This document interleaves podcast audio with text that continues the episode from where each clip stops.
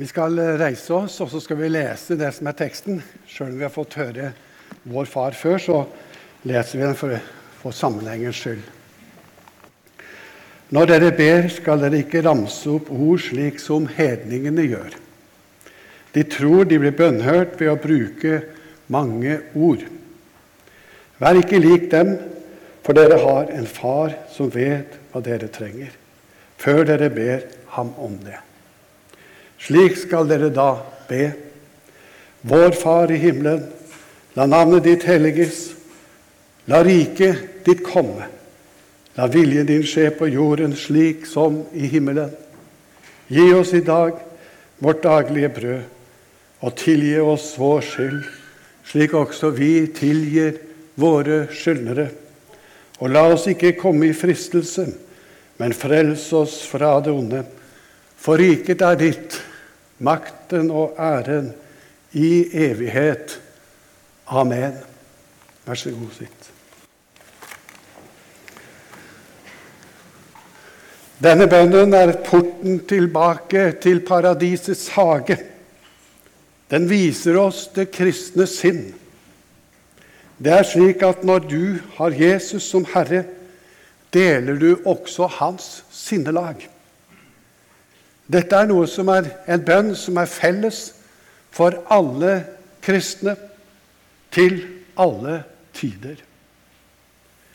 Og veien til denne paradisets hage, det er troen på Jesus Kristus. Han er selve døren inn i hagen.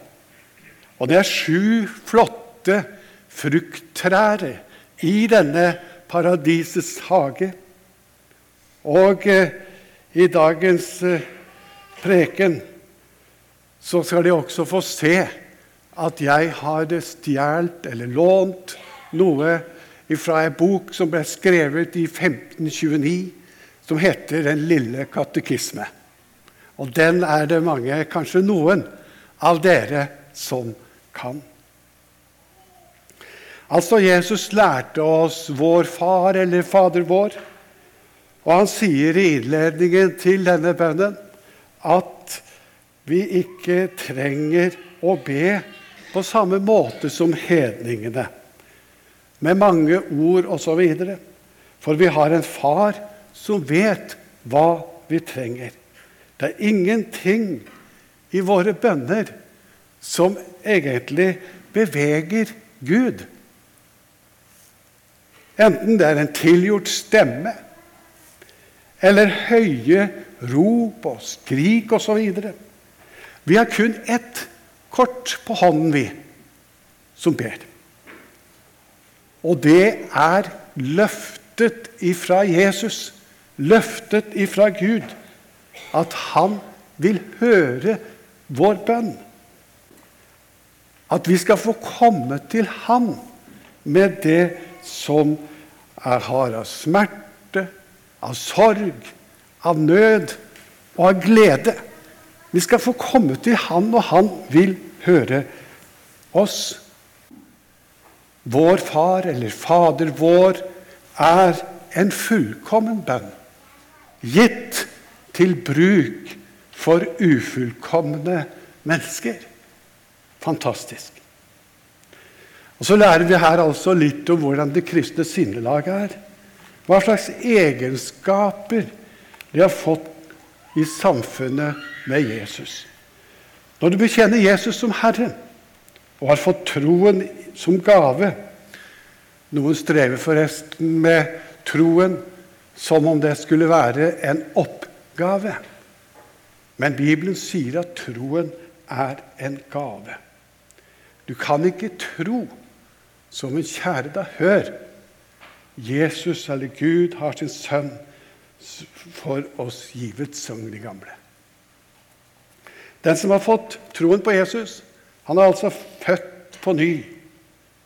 Og den som er født på ny, han har også fått del i det som kalles for guddommelig natur.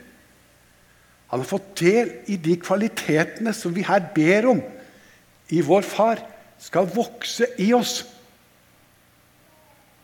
De fruktene som er i denne, det bildet jeg bruker om paradisets hage, og jeg fant de Og det er brukt for mange mange hundre år siden av folk.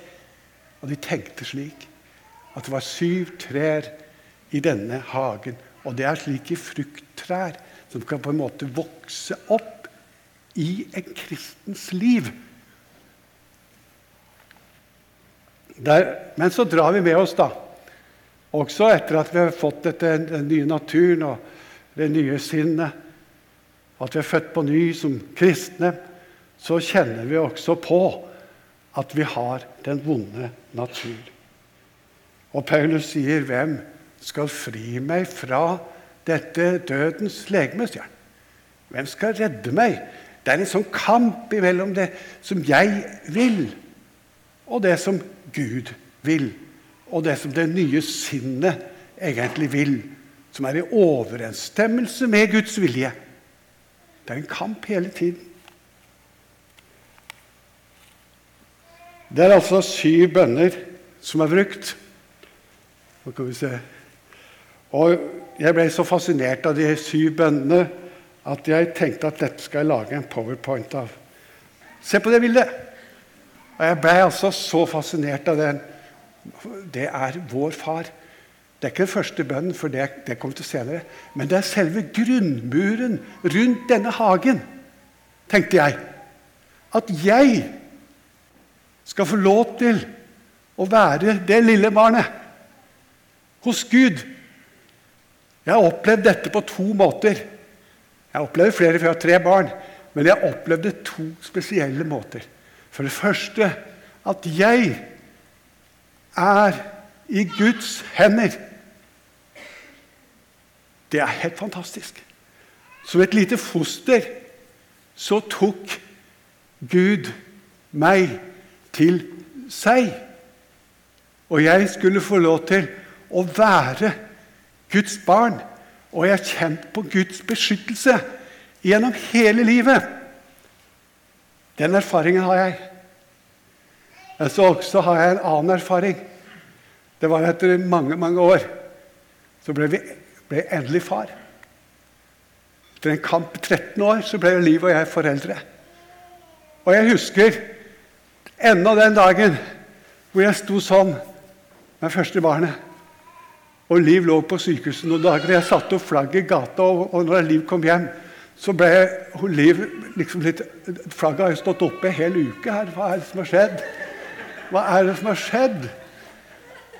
Og så tenkte jeg at den følelsen som jeg har hatt og har til dine barn, det er bare en bitte liten brøkdel. Bitte, bitte liten brøkdel av det som min far i himmelen har til meg.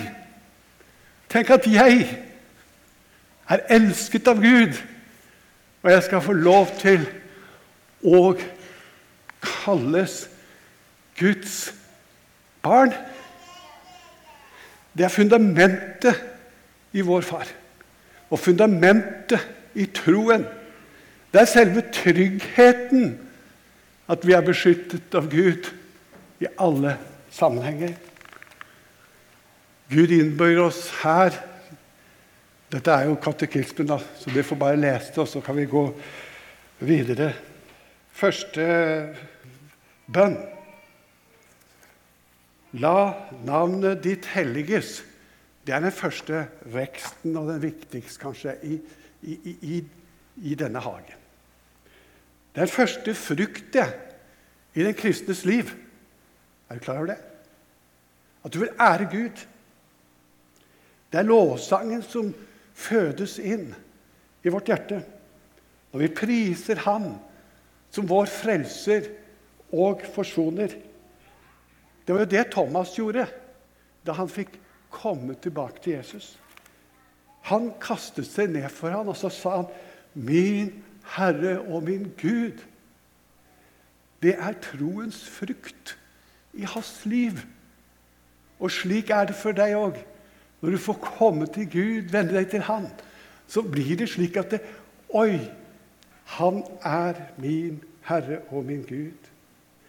Og da skal du få lov til å la dette, denne erkjennelsen, få vokse i ditt liv.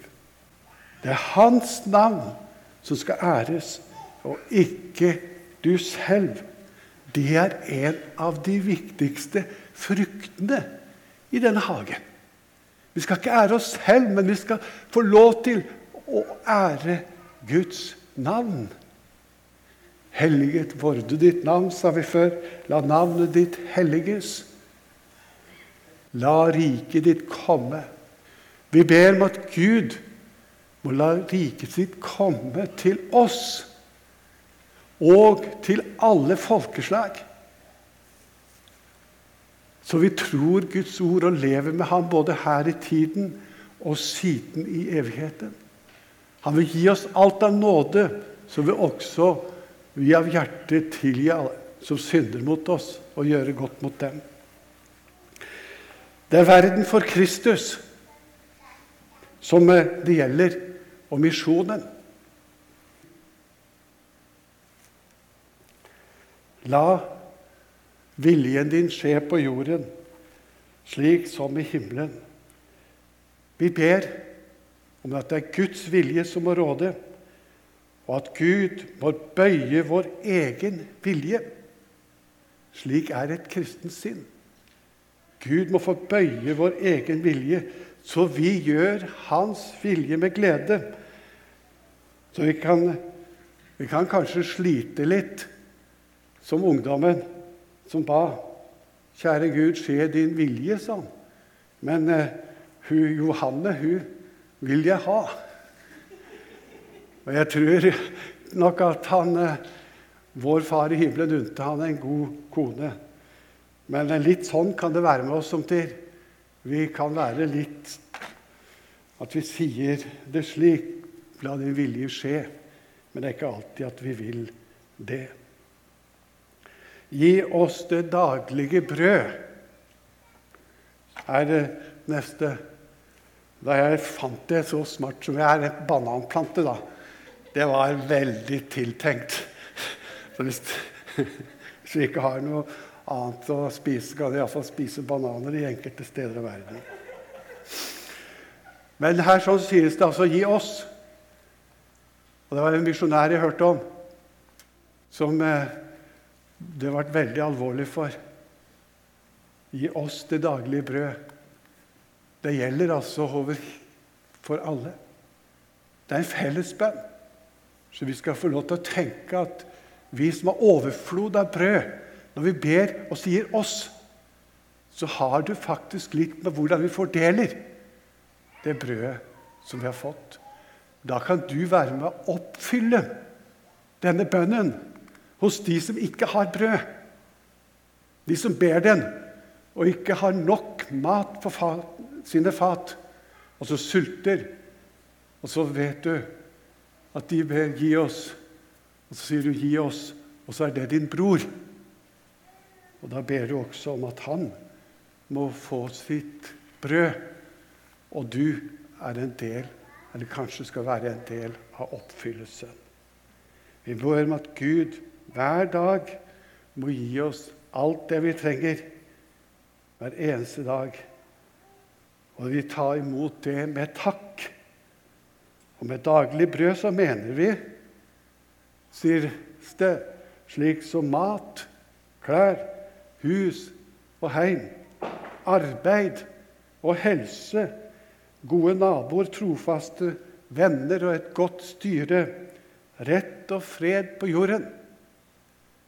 Ja, la oss få lov til å be og være med og arbeide for dette. Og så er det bønn nummer uh, Tilgi oss vår skyld, den femte bønnen og den femte planten i denne hagen vår, da. Tilgi oss vår skyld, slik vi tilgir våre skyldnere.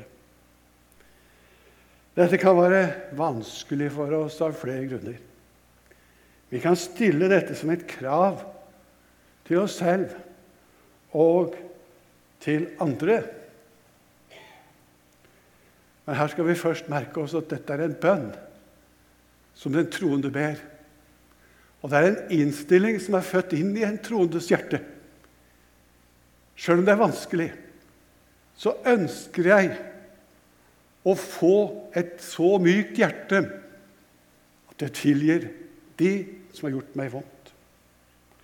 Det kan være enkelte synder som er gjort imot oss, som er av en slik art at det ikke er lett å tilgi og vanskelig å glemme. Og da tenker mange med en gang på spesielle overgrep og sånne ting. Ja, det skal du tenke på. Men f.eks. en annen ting som kan være vanskelig for oss å takle, det er når du blir utsatt for baktalelse, f.eks. Baktalelse er som en slags dødsgift som du sprøyter på en måte mot noen mennesker. Og når noen er rammet av det, så er det så vanskelig å komme over det.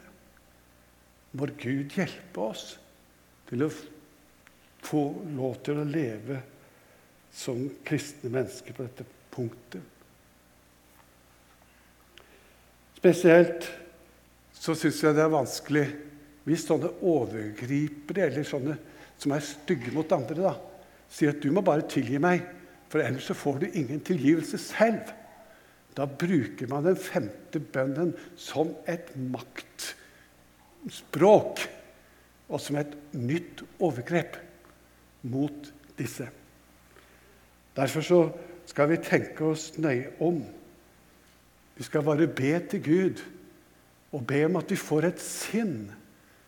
At Gud får helbrede våre sinn, slik at bitterhet og hat det har så lett for å gro fast i vårt liv at ikke det får feste hos oss. Det er det vi ber om her. At bitterhet og hat ikke må få feste hos oss, må rot, få rotfeste i våre hjerter. Det kan være vanskelig, men du skal få lov til å prate med Far i himmelen om dette også. Så er det neste la oss ikke komme i fristelse. Vi ber om at Gud må verge oss og hjelpe oss, så ikke djevelen, verden og vårt eget kjød Her ser dere tre djevelen, verden og vårt eget kjød. Det er tre fiender på en måte for å lokke oss til vantro. Og så er det en ting jeg hang meg opp i fortvilelse. Må ikke lokke oss til fortvilelse og andre synder, men at vi må vinne seier og holde fast ved seieren. Og så går vi videre. Fri oss fra det onde, eller frels oss fra det onde. Vi ber her om at Gud må frelse oss fra det onde, både for sjel og legeme.